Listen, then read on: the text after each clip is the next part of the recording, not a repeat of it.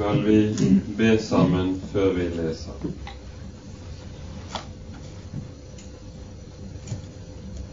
Kjære Herre, du trofaste og hellige Gud. Takk for at vi på ny skal få lov til å samles i ditt hellige navn, for å være sammen om ditt ord og din gave og din trofasthet mot syndere. Takk at du har gitt oss din egen sønn for at vi skal få lov til å kalles med Hans navn og være dine barn. Og takk at din trofasthet og din miskunnhet aldri tar slutt. Nå ber vi deg, gode Far, at du vil komme selv og være midt iblant oss, for at du vil tale og lukke opp dine ord for våre hjerter vil du være med min munn og gi meg av din ånd, og fri og frelse oss alle fra det som er mennesketanker og menneskeord. Kom, Herre, du, og gjør din gjerning som du har lovet. Amen.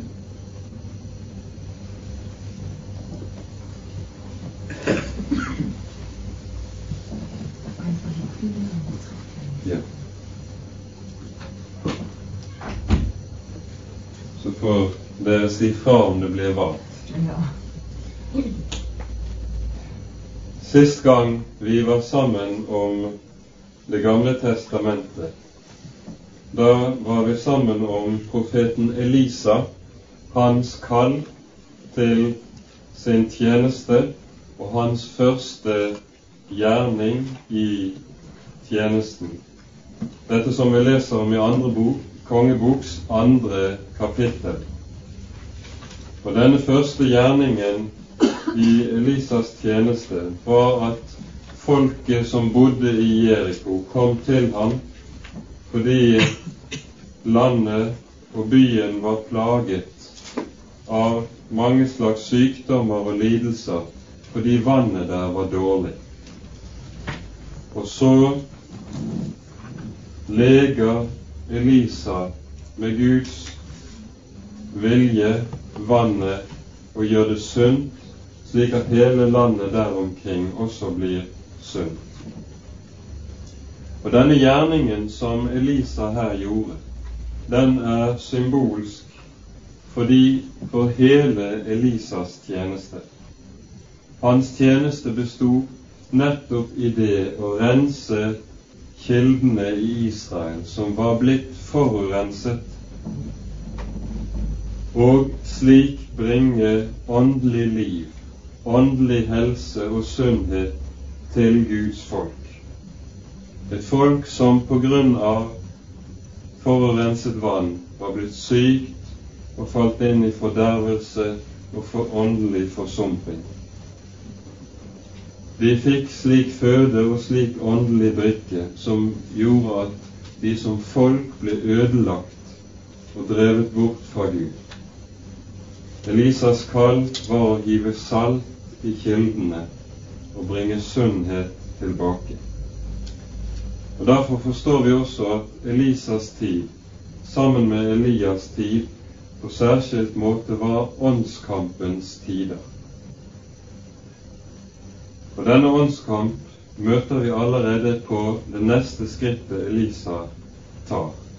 Det var noen av dere som spurte om den neste beretningen allerede forrige gang. Og jeg tror det kan være nødvendig å stanse opp også for dette, som står i slutten av det andre kapittelet. Vi leser fra vers 23 til 25 her. Derfra, altså fra Jeriko, gikk Elisa opp til Betel. Og mens han gikk opp etter veien, kom det noen smågutter ut fra byen. De spottet ham og ropte til ham, Kom opp her, din snauskalle. Kom her opp, din snauskalle. Da han så vendte seg om og fikk se dem, lyste han forbannelse over dem i Herrens navn. Da kom det to bjørner ut av skogen, og sønderrev 42 av barna. Derfor gikk han til Karmelfjellet og vendte derfra tilbake til Samaria. Disse versene gir oss en beretning som får det til å reise seg i oss. Det reiser seg en protest i oss mot å høre slikt. For er ikke det som står her, i strid med Guds kjærlighet? Og har ikke Jesus selv lært oss å stelle oss annerledes med dem som spotter og forfølger oss? Vi leser jo i Bergpreken at vi skal Jesus uttrykkelig sier Elsk deres fiender, velsign dem som forbanner dere, og be for dem som forfølger dere. Og dette er en lov som gjelder for oss alle. Så kunne vi spørre er ikke dette som vi leste her, i strid med det? Det er viktig for oss å forstå denne beretningen og skjønne det som ligger bakom. For det er ikke noe uvesentlig som her sies og gjøres. Det første vi skal merke oss her, er at vi i Elisas liv møter en nøyaktig parallell mellom ham og Jesus i hans virke. Jesu første under var i Kana, hvor han gjorde vann til vin. Elisas første gjerning var å så å si å gjøre det samme å gjøre det urene vannet rent. Og det neste som møter Jesus i hans kall, det er at han drar til sin hjemby, og så spottes, forstøtes og forkastes. Og nøyaktig det samme er det som skjer med Elisa. Dette pekte vi også på forrige gang, at det er en nøye samsvar mellom forholdet mellom Elias og Elisa på den ene siden og døperen Johannes og Jesus på den andre siden. Døperen Johannes var den som skulle forberede Jesu gjerning. Døperen kom med dom og forkynte loven og Guds vrede over Israel og dets frafall. Mens Jesus, når han kommer, så kommer han med nåde og evangelium og frelse for syndere. Og Jesus kunne ikke ha kommet uten at døperen først hadde gjort sin gjerning. På samme måte er det med Elias og Elisa. Elis, Elias er på særskilt måte dommens profet over Israel, mens Elisa på sin side er frelsens nådens og evangeliets profet over Israel. Og denne domsgjerning som Elisa gjør her, det er den eneste domshandling vi leser om i hele Elisas virksomhet. Ellers var det Elisas oppgave kun å forkynne evangeliet og virke til legedom i et folk som var under som nå sto foran en hård og vanskelig dommens tid. Det vi også skal merke oss her, er at Elisa hadde overhodet ingen glede av å forkynne slik på denne domsgjerningen som står her. Tvert om, jeg tror vi må se på denne domsgjerningen som en hard prøvelse for Elisa en prøvelse som var nødvendig for hele hans fremtidige virke. Det skal vi komme litt tilbake til nedenfor. For vi skal merke oss Gud kaller aldri noen til å forkynne dom og til å forkynne sin vrede, som gjør det i skadefro glede. De som forkynner Guds dom og Guds vrede, de gjør det alltid i sorg og med tårer i øyekroken. Når Jesus red inn i Jerusalem og ropte ved over byen, da vet vi da gråt han over byen. Han lo ikke og sa 'Hva sa jeg?' slik vi ved skadefryden kan tale. Og slik taler på samme måten alle Herrens profeter som forkynner dom. De gjør det ugjerne og med smerte, fordi de vet at de selv står under den samme dom. De vet akkurat som Esaias når han stilles for Guds åsyn. Vi leser om det i Esaias sjette kapittel. Han sier, Ved meg, jeg er en mann med urene lepper, og bor midt iblant et folk med urene lepper. Han vet at han selv er smittet av den samme synd som folket er smittet av, og at han dermed også står under den samme dom som folket står under og derfor også trenger det samme evangelium og den samme forløsning som folket behøver. Derfor ser vi også at det var profetenes særskilte kall å be for dem de forkynte dom over. Tenk bare på Moses, hvor, i hvor sterk grad han ble forkastet av folket. Gang på gang vender folket ham ryggen. Og gang på gang kommer Gud og vender sin vrede mot folket. Og gang på gang stiller Moses seg imellom, som mellommann som ber for dem som var skyldige for dommen, og avvender Guds vrede. Slik er det, og det er bare slike som med i, står med tårer i øynene som kan forkynne Guds dom. De som gjør det med hårhet, med dømmesyke og med skadefri, de gjør det ikke i Guds ånd. Det skal vi merke oss.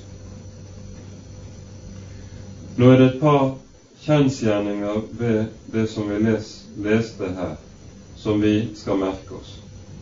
For det første, når det taler om små gutter i min bibeloversettelse i hvert fall. Jeg husker ikke hva som står i den nye oversettelsen.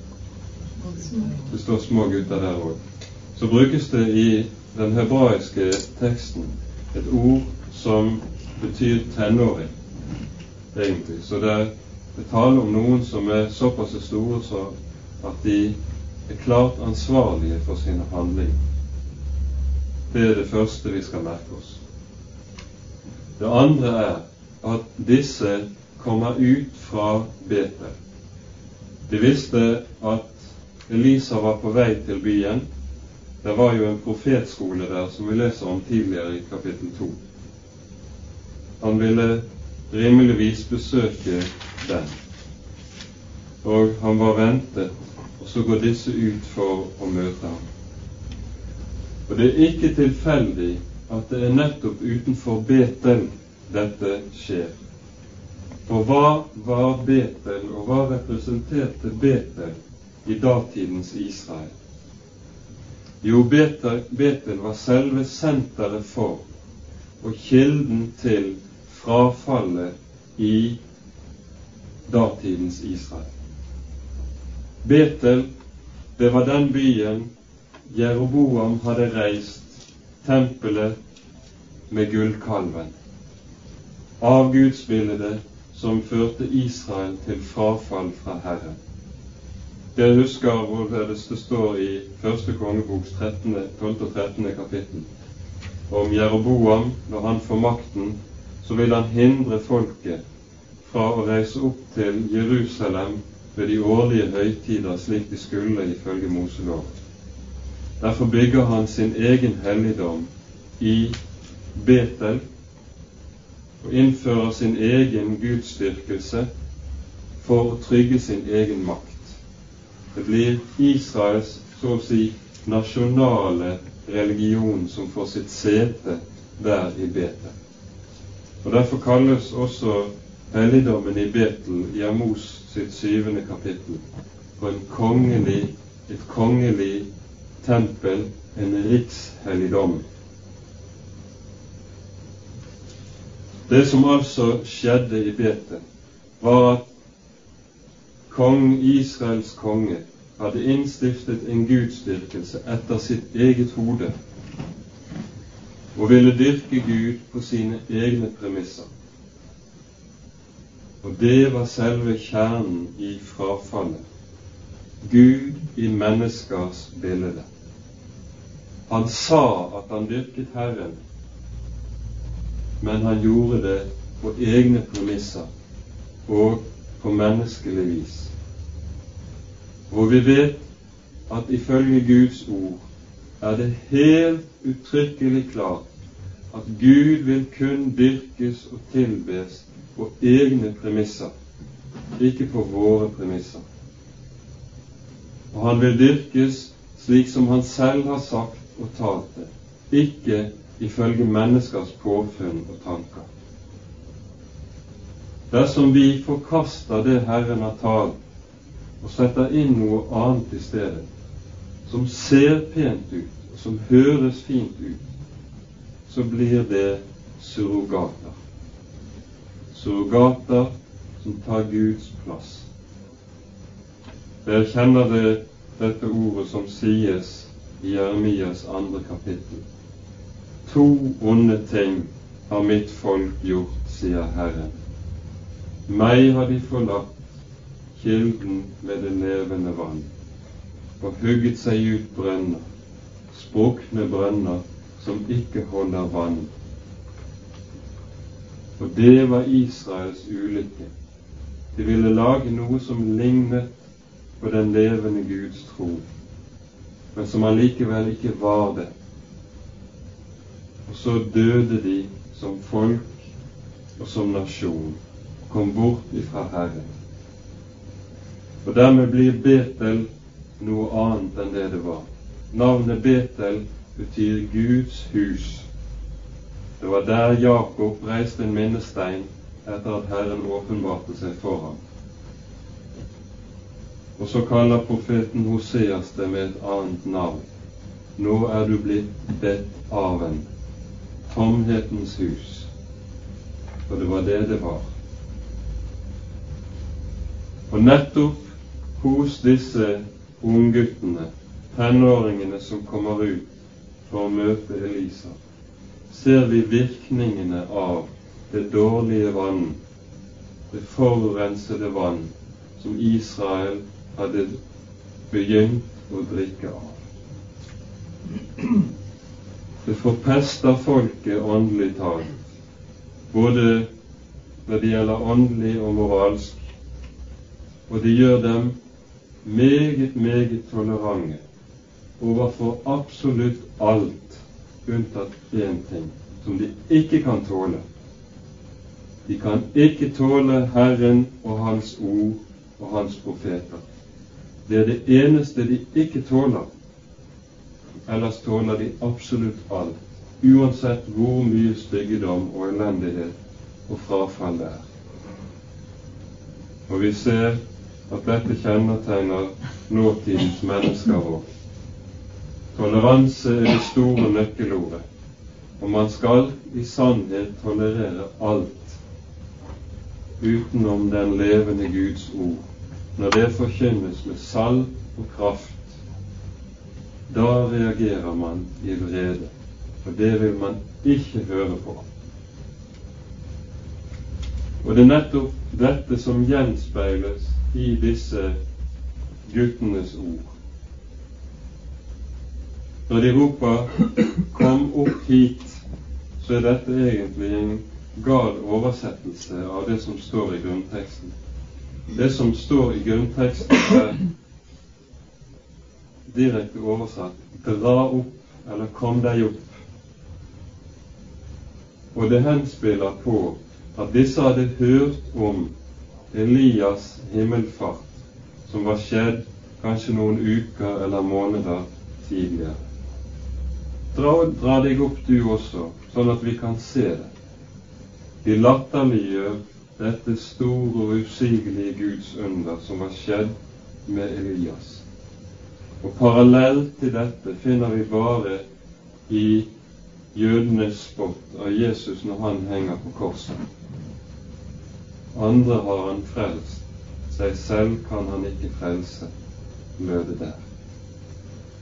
Det er Guds under med Elias, det under som nettopp var forgjettelse over folket, om hva som var deres mål og mening som folk. At de skulle som folk tas opp til Herrens herlighet. Det var det de var bestemt til. Dette er det guttene spotter og forakter og latterliggjør. Dra deg opp, du også, skallepanne, snauskalle. Og så knytter de til en kommentar til en legemlig svakhet som heftet ved Elisa. Elisa var ung på dette tidspunkt, men allikevel skallet. Noe som ble regnet for en stor skam blant Østens folk.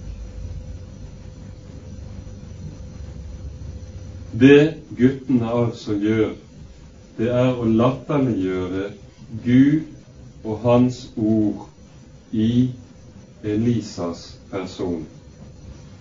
Og her kunne vi godt sitere det ordet som vi kjenner. Dårer stormer frem, hvor engler skjelver.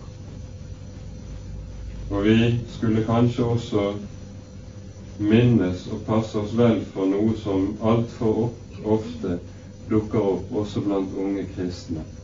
At man leker med og lager vitser over ord fra Bibelen. Det viser en respektløshet for det hellige Guds ord som er livsfarlig. Og det er mange som har fått ødelagt dyrebare Guds ord for hele resten av sitt liv gjennom at de har slått vitser på og billige poenger på ord fra Bibelen. Slikt skulle ikke finnes blant Guds folk overhodet. Dårer stormer frem der engler skjelver. Når, når vi har sagt her at det som disse guttene gjør, er å spotte Herren og Hans ord i Elisas person, så har vi et klart ord fra Jesu munn om dette i Lukas tiende kapittel. Jesus sier her om som et grunnord som gjelder alle hans tjenere og deres tjeneste. Lukas 10, 16. Den som hører dere, hører meg. Og den som forkaster dere, forkaster meg. Og den som forkaster meg, han forkaster ham som har sendt meg. Vi skal merke oss at hat mot og forakt for Herren, det er noe som alltid retter seg mot de som forkynner Hans ord. For det er vanskelig å rette sitt fiendskap mot de, mot Herren selv. Han er usynlig, og han kan vi ikke gripe fatt i. Og I stedet rammer man og søker man å skade de som taler Hans ord på Hans eget vegne. Slik er det alltid opp gjennom historien. Og Derfor skal vi skjønne det at det som skjer her, er at disse guttene de rammer ikke Elisa som privatperson, men det er Herren og som Herrens tjener han rammes. Og Når derfor Elisa uttaler forbannelse over dem i Herrens navn, så er det ikke personlig hevngjerrighet som ligger bak. Det skal vi gjøre, legge nøye merke til. Det er ikke personlig hevngjerrighet. For det er meget, meget stor forskjell på det å lide personlig urett og det at Herrens ord og Herrens navn spottes når man prøver å ramme Hans tjener. Vi ser at Paulus skiller klart mellom disse to tingene i 2. Timotius brevs 4. kapittel, som jeg tror vi kan vel, gjøre vel i å merke oss.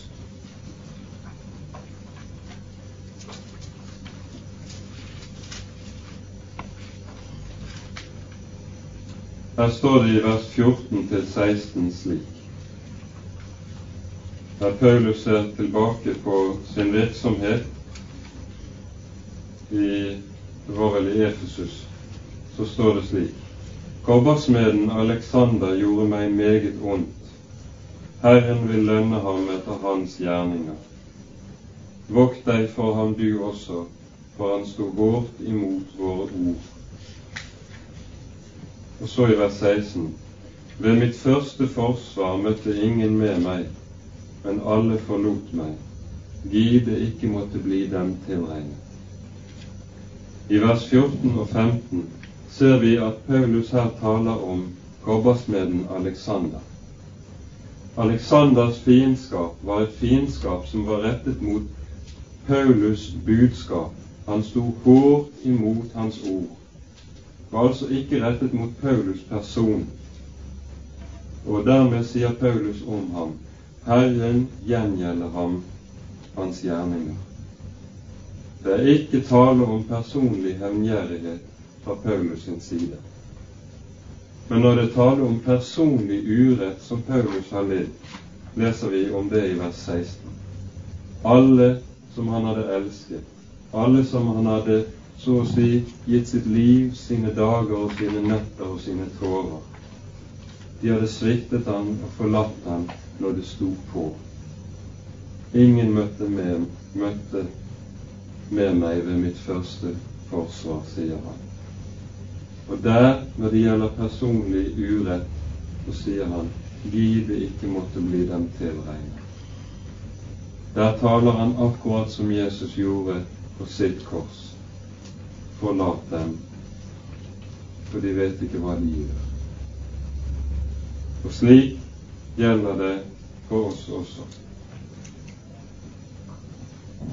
Og her skal vi altså se det at det er fordi disse guttene er representative, representative for frafallet i Israel, og kommer fra den by som er kilden for å representere frafallet i Israel, det er derfor Herren griper inn.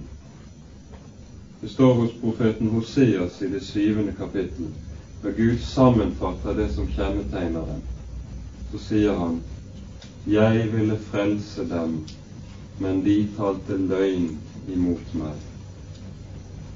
Altså det de forkaster i Israel, er selve frelsens ord, frelsens budskap i Elisas person.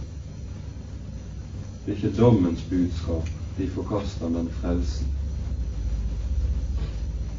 Når Gud så dømmer disse, så skal vi se hva det innebærer.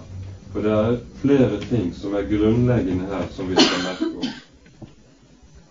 For det første, denne dommen over disse guttene, det legemliggjør akkurat som de legemliggjør Israels frafall så legemliggjør dommen dommen over Israel som folk.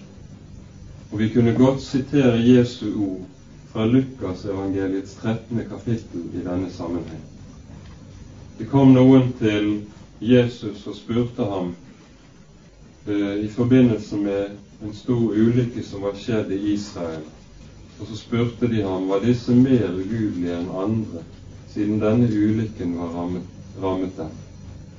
Og så sier Jesus nei, slik er det ikke.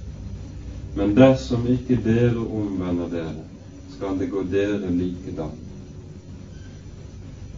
For slik, så å si, er dette en legemliggjørelse av, av dommen og en advarsel for hele folket som sådan.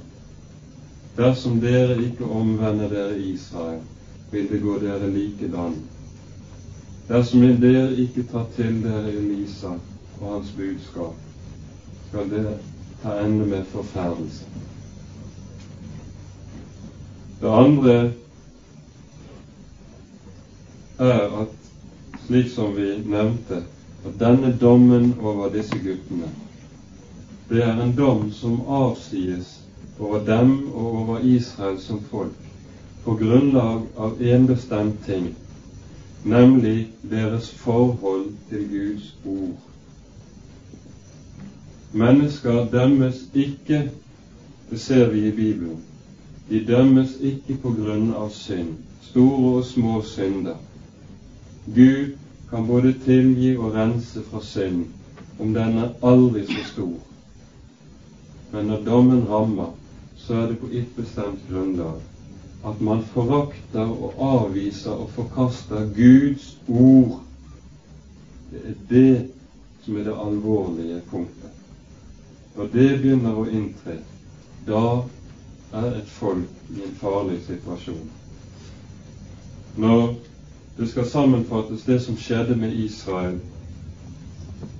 og som vi leser om etter at Jerusalem og Samaria var ødelagt og lå i ruiner, så sammenfattes dette i andre krønikabok 36 kapittel slik. Vi leser vers 15 og 16.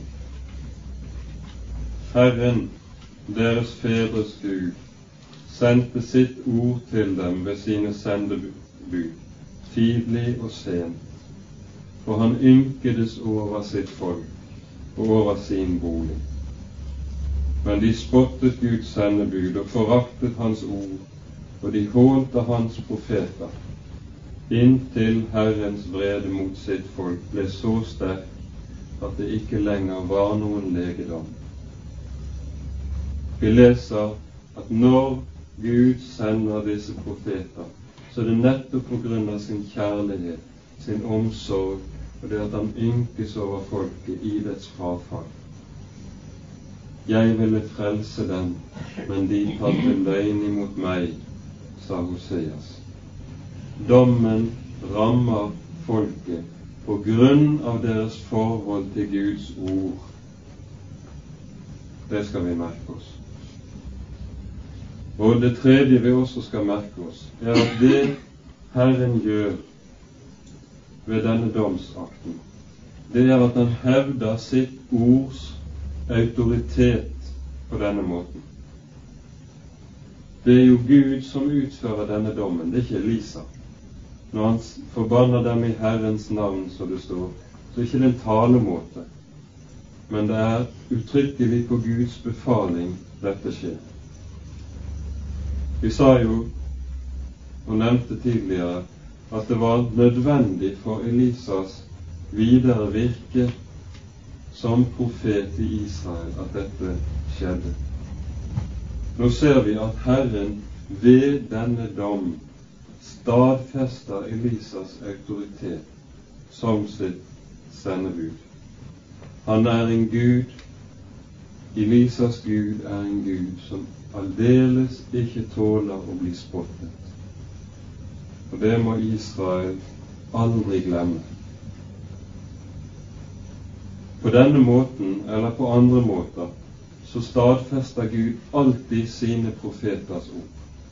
Han lar aldri profetenes ord stå uten noen stadfestelse. For gjennom stadfestelsen så håndhever Gud sitt ords autoritet og det er det viktigste han gjør for folket. Denne stadfestelsen er selve det som er Israels liv. Vi skal vite det, at disse Guds menn, disse profetene som Gud sender til et folk som er i frafall og på vei mot stupet, det er disse profetene som er selve livet for Israel, ingen andre. De er det eneste som står mellom Israel og dommen. De eneste som skiller dem fra Guds vrede. Det er profetene som er livet for folket. I apostelgjerningenes syvende kapittel så leser vi om det som sies om Moses der. Det står om Moses at han skulle tale levende ord til folket. Og Peter når han sendes til Kornelius hus, så står det at han skulle tale ord til, til dem som de skulle bli frelst ved. Disse som talte ordet, var livet for folket. Uten dem ville de gå under. Det samme sies i 5. Moseboks 32. kapittel. Det står slik når Moses taler på slutten av sin virksomhet før han forlater folket for å dø. Så står det i kapittel 32 i 5. Mosebok, i vers 46 og 47. Moses sier at på alle de ord som jeg i dag gjør til et vitne mot dere, og by deres barn å ta vare på dem, så de holder alle ordene i denne lov. For dette er ikke noe tomt ord for dere, men dette er deres liv. Og ved dette ord skal dere leve lenge i det land dere drar over Jordan for å ta i eie. Dette ord er deres liv. Og Israels eksistens og liv som folk var nettopp avhengig av slike menn som Herren åpenbarte sitt ord igjennom. Derfor skjønner vi at det var nødvendig for Israel at Israel skulle leve som folk, at Gud nettopp stadfester sitt ords autoritet, slik at ingen kan motsi denne autoritet uten å motsi fakta. Og her ser vi også det som er en grunnlov i Bibelen og i Guds stell med alle folk opp gjennom historien. Der Guds ords autoritet blir borte, der flyttes lysestaken. Og det er det som er i ferd med å skje hos oss Det er ved oss. Vi skal også merke oss at det er et kjennetegn ved Bibelens budskap at evangeliets kraft er avhengig av at loven får lov til å tale og stå der i sin fulle kraft. Dersom loven ikke får lov å tale med kraft, med sin fulle kraft, og stå ved makt, da mister evangeliet sin kraft og sin makt.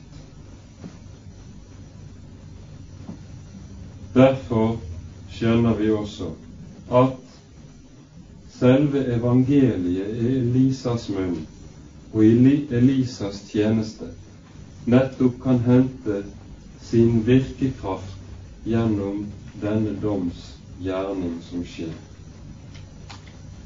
For Elisa virket i Israel i henimot 50 år, i tomannsaldre etter datidens målestokk.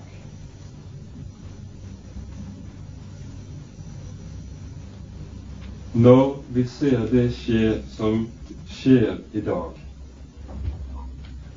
at man bruker Guds evangelium til å, til å ta brodden av loven til å si det at siden Jesus er død for oss, siden evangeliet er kommet, så gjelder ikke loven lenger. Og så kan vi korse av litt her og litt der ettersom det passer, slik at vi ikke lenger behøver å ta det så nøye med Guds lov. Dette er selve hovedårsaken til at evangeliet mister sin kraft og blekner iblant oss og dermed også at Guds ord mister sin kraft. Vi sier jo at Guds ord er et levende ord, og et kraftig ord og et virksomt ord. Det er sant.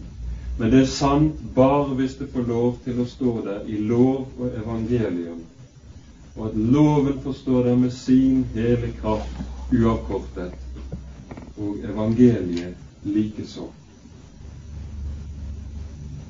benytter vi evangeliet falskt til å ødelegge loven,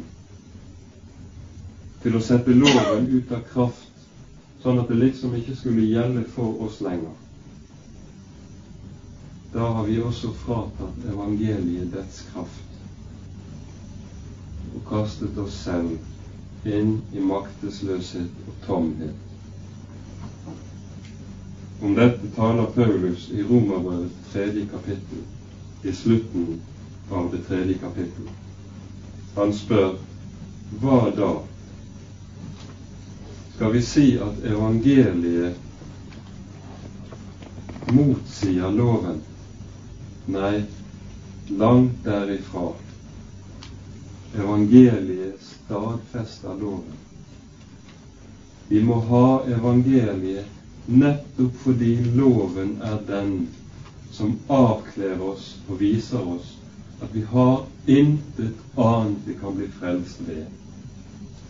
Derfor stadfester evangeliet loven. Det står slik Opphever vi da loven ved troen? Langt derifra. Vi stadfester loven. Slik skal vi merke oss dette at Elisas virksomhet og evangeliets autoritet og virkekraft gjennom ham nettopp får bli virkekraftig gjennom at loven får ved lag. Så kunne vi spørre når vi aner i dag noe av det samme er i ferd å skje imellom oss, som det vi leste i Første Samuels bok tredje kapittel. At Guds ord var dyrt i de dager, og av syner var det lite.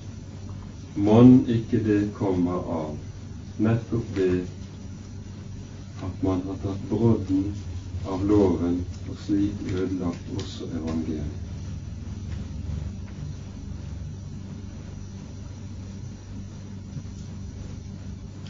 Etter dette som skjedde her, dro Elisa til Karmel i stedet for å dra til Betel, slik han hadde tenkt. Det hadde kostet ham så meget at han trengte tid alene på fjellet hvor han tidligere hadde vært sammen med Elisa, for å komme seg igjen, så å si, for å bruke en dum talemåte. Nettopp dette at Guds ord i profetenes munn er Israels liv. Det er det vi får demonstrert i kapittel tre her i andre kongebok. Og Jeg tror vi skal ta oss tid til å lese igjennom dette. Joram, Akabs sønn, ble konge over Israel i Samaria i Judas konge Josafats 18. år.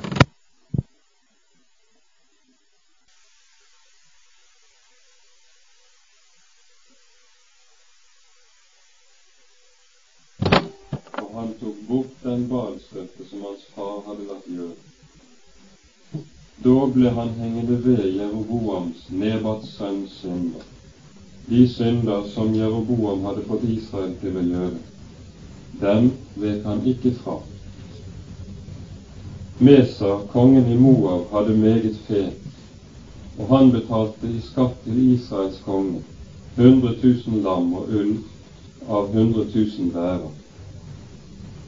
Men da Akab var død, falt kongen i Moab fra Israels konge. Da dro kong Joram ut fra Samaria og mønstret hele Israel. Så sendte han bud til Judas konge Josafat og lot si:" Moabs konge er falt fra meg. Vil du dra med meg og stride mot Moab? Og han svarte ja, jeg vil dra med. Som du, så jeg. Som ditt folk, så mitt folk som dine hester, så mine hester.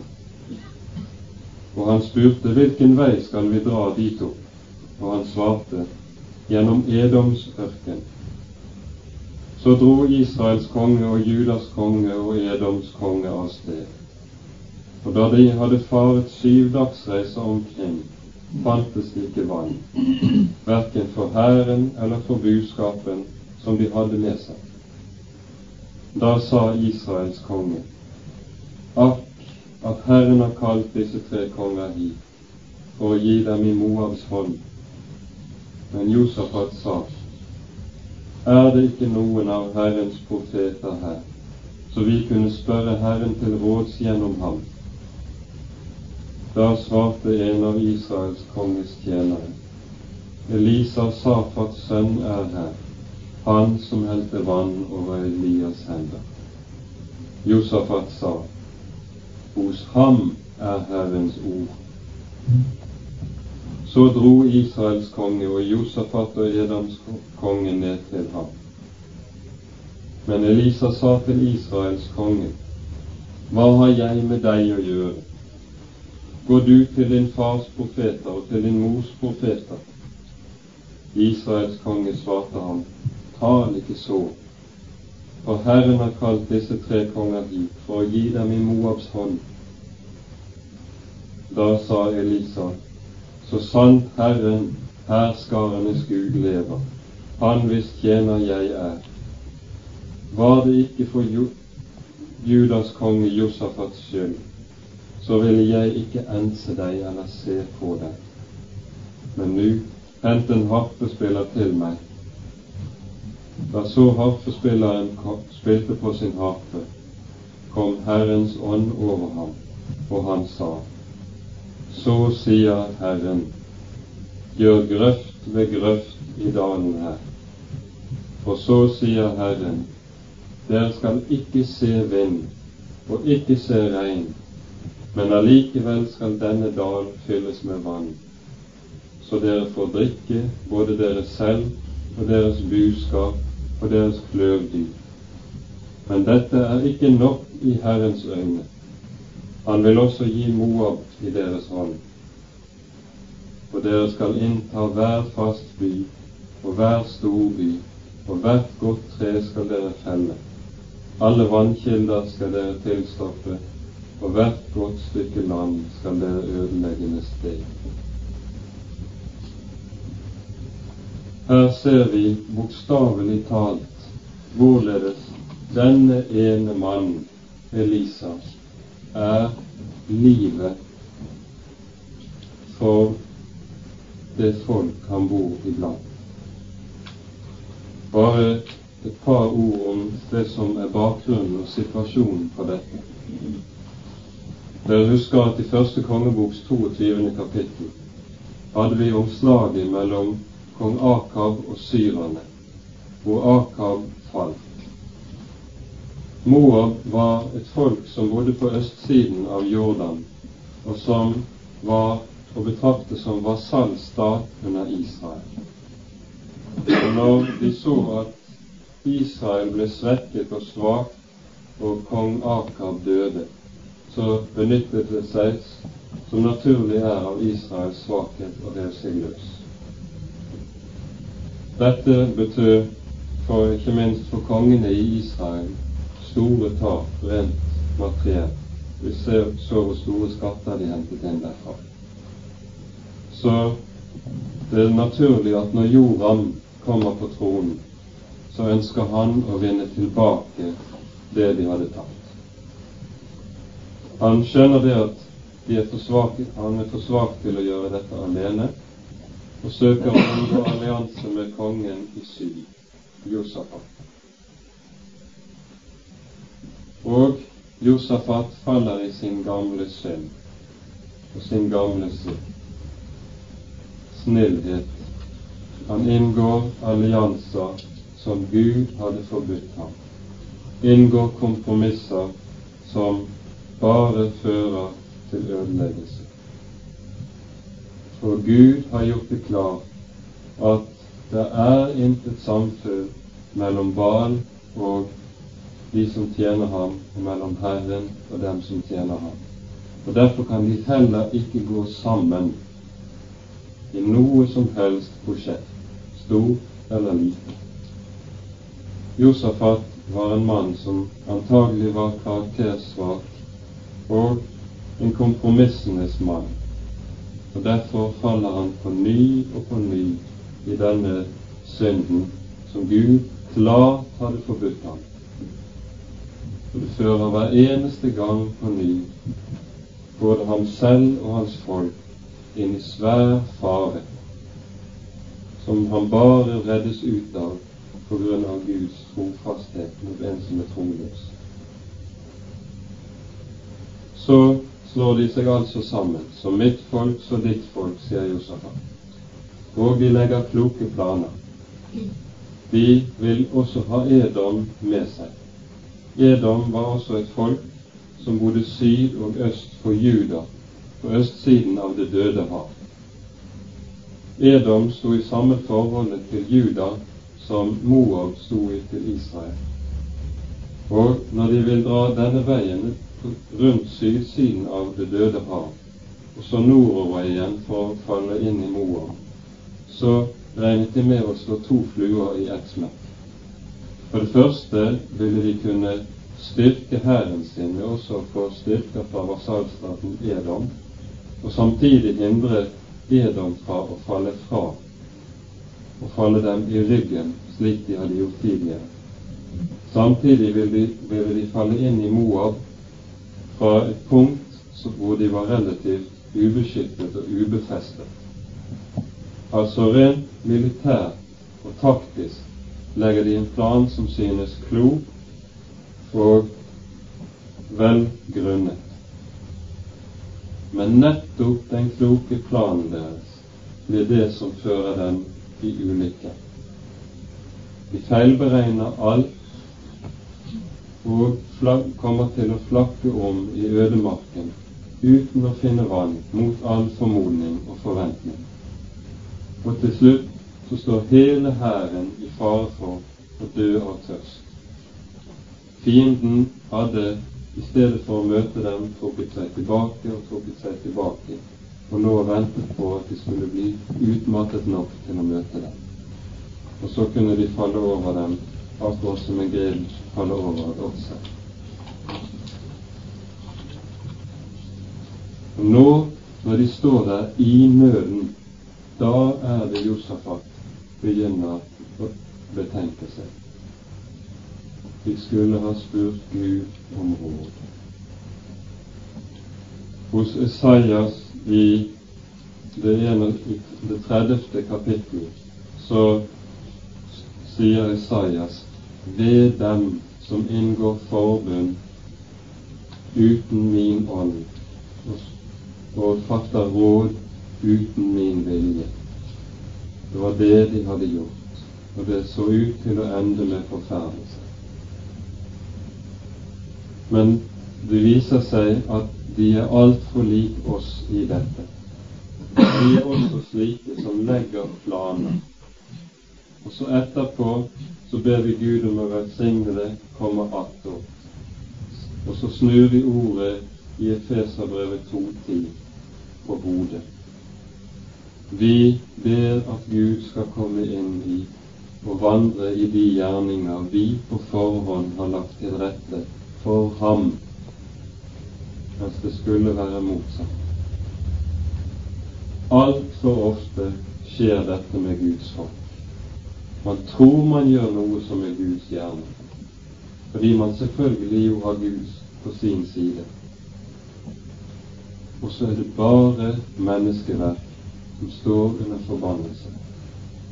Og Jeremias ord i det 17. kapittelet i Jeremias bok stadfestes nettopp for alle dem som vandrer rundt her i ørkenen og holder på å forgå. Ved den mann som stoler på seg selv og setter sin lit til sin egen arv. Han skal bli lik en enslig mann på den øde mark. I et øde saltland skal han få gå. Jeremia 17, 5 og utover. Nøyaktig dette er det som skjer.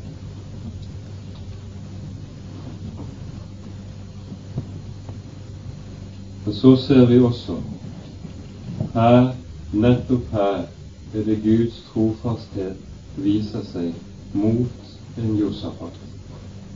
Og for Josafats skyld så berges også mange, mange andre som Gud ellers aldri ville ha berget.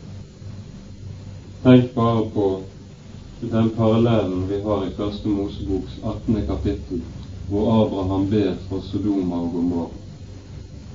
Og Gud sier og lover at er det bare ti rettferdige i byen, vil jeg spare byen for de ti skyld.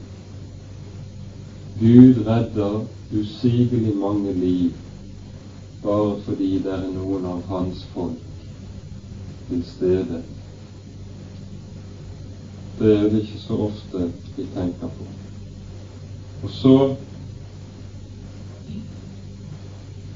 stadfester Gud sin trofasthet nettopp her. Dere husker det står i Esaias 30. kapittel at Gud sier til Esaias om du viker av fra veien til høyre eller til venstre, så skal du høre en røst lyde bak deg og si dette er veien, gå på den. Også om vi får lov til om vi får lov til å bli bevart i et rett forhold til Ham, så er vi ikke garantert mot å havne i grøften, noen av oss. Men Han har lovet de som faller i grøften, ved sin trofasthet å redde dem tilbake. Og det er det Han gjør med Josafat her. Ved Elisa. Hos ham er Guds ord, lød det så kommer løsene, og det skjer som Elisa sa. Og de berges i ørkenen i det som så ut til å ende med forferdelse. Da Elias ble tatt opp til himmelen, ropte Elisa ut da han så at Elias ble borte. Så ropte han Israels vogner og ryttere, min far, Israels vogner og ryttere. Han visste det at når Elias ble borte, så forsvant det som var Israels sanne og eneste styrke, nemlig den mann hos hvem Guds ord hadde vært til stede. Om de hadde aldri så mange hester og ryttere, så ville de få gå dersom det ikke var slike som Guds ord var hos. Min far, min far, Israels vogner og ryttere. Og så legger Gud i stedet sitt ord og sin ånd på Elisa og sender ham. Og så blir han for folket mer enn tusen vogner og tusen ryttere og mer enn store hærer. Han, ordet gjennom hans munn, blir kilder i ørkenen for et folk som er havnet i grøften. Og nå demonstreres det med all ønskelig tydelighet at Israels liv er avhengig av slike menn som har Guds ord, og der Gud åpenbarer sitt ord. Der er det alt henger. Og Da tror jeg at vi til slutt skal samle oss om å lese noen vers fra Salme 33 som likesom samler alt dette i en sum. Dette er en salme som handler om å lovprise Gud og Hans ord hvorledes han er en Gud som virker ved sitt ord, skaper av intet ved sitt ord, og gjør alle sine gjerninger ved ordet. Det står slik i vers 6. Himlene er skapt ved Herrens ord, og all deres hær Hans munns ånde. Og i vers 9. Han talte, og det skjedde. Han bød, og det sto der. Nettopp det som skjer gjennom Elisa òg. Herren byr ved hans munn, og det skjer. Herren taler, og det står frem. Vann i ørkenen, seier i nederlaget, liv av døde. Og så står det i vers 10. Herren omstøter hedningenes råd. Han gjør folkenes tanker til intet. Herrens råd står fast evinnelig hans hjertes tanker fra slekt til slekt. Salig er det folk hvis Gud Herren er, det folk Han har utvalgt til sin arv. Så hopper vi til vers 16. En konge frelses ikke ved sin store makt, En helt reddes ikke ved sin store kraft. Hesten er ikke å stole på til frelse, og med sin store styrke redder den ikke. Se, Herrens øyne ser til dem som frykter ham, som bier på hans miskunnhet, for å utfri deres sjel fra døden og holde dem i live i hungersnød. Ja, vår sjel bier på Herren. Han er vår hjelp og vårt skjold. Og alt dette gjør han i og ved og igjennom sine ord ved profetene. Derfor lyder det gang på gang opp gjennom folkets historie Hør, så skal du leve.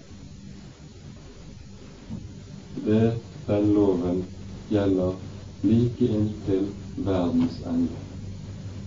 Gud har ikke satt det ut av meg. Med det slutter vi for i dag.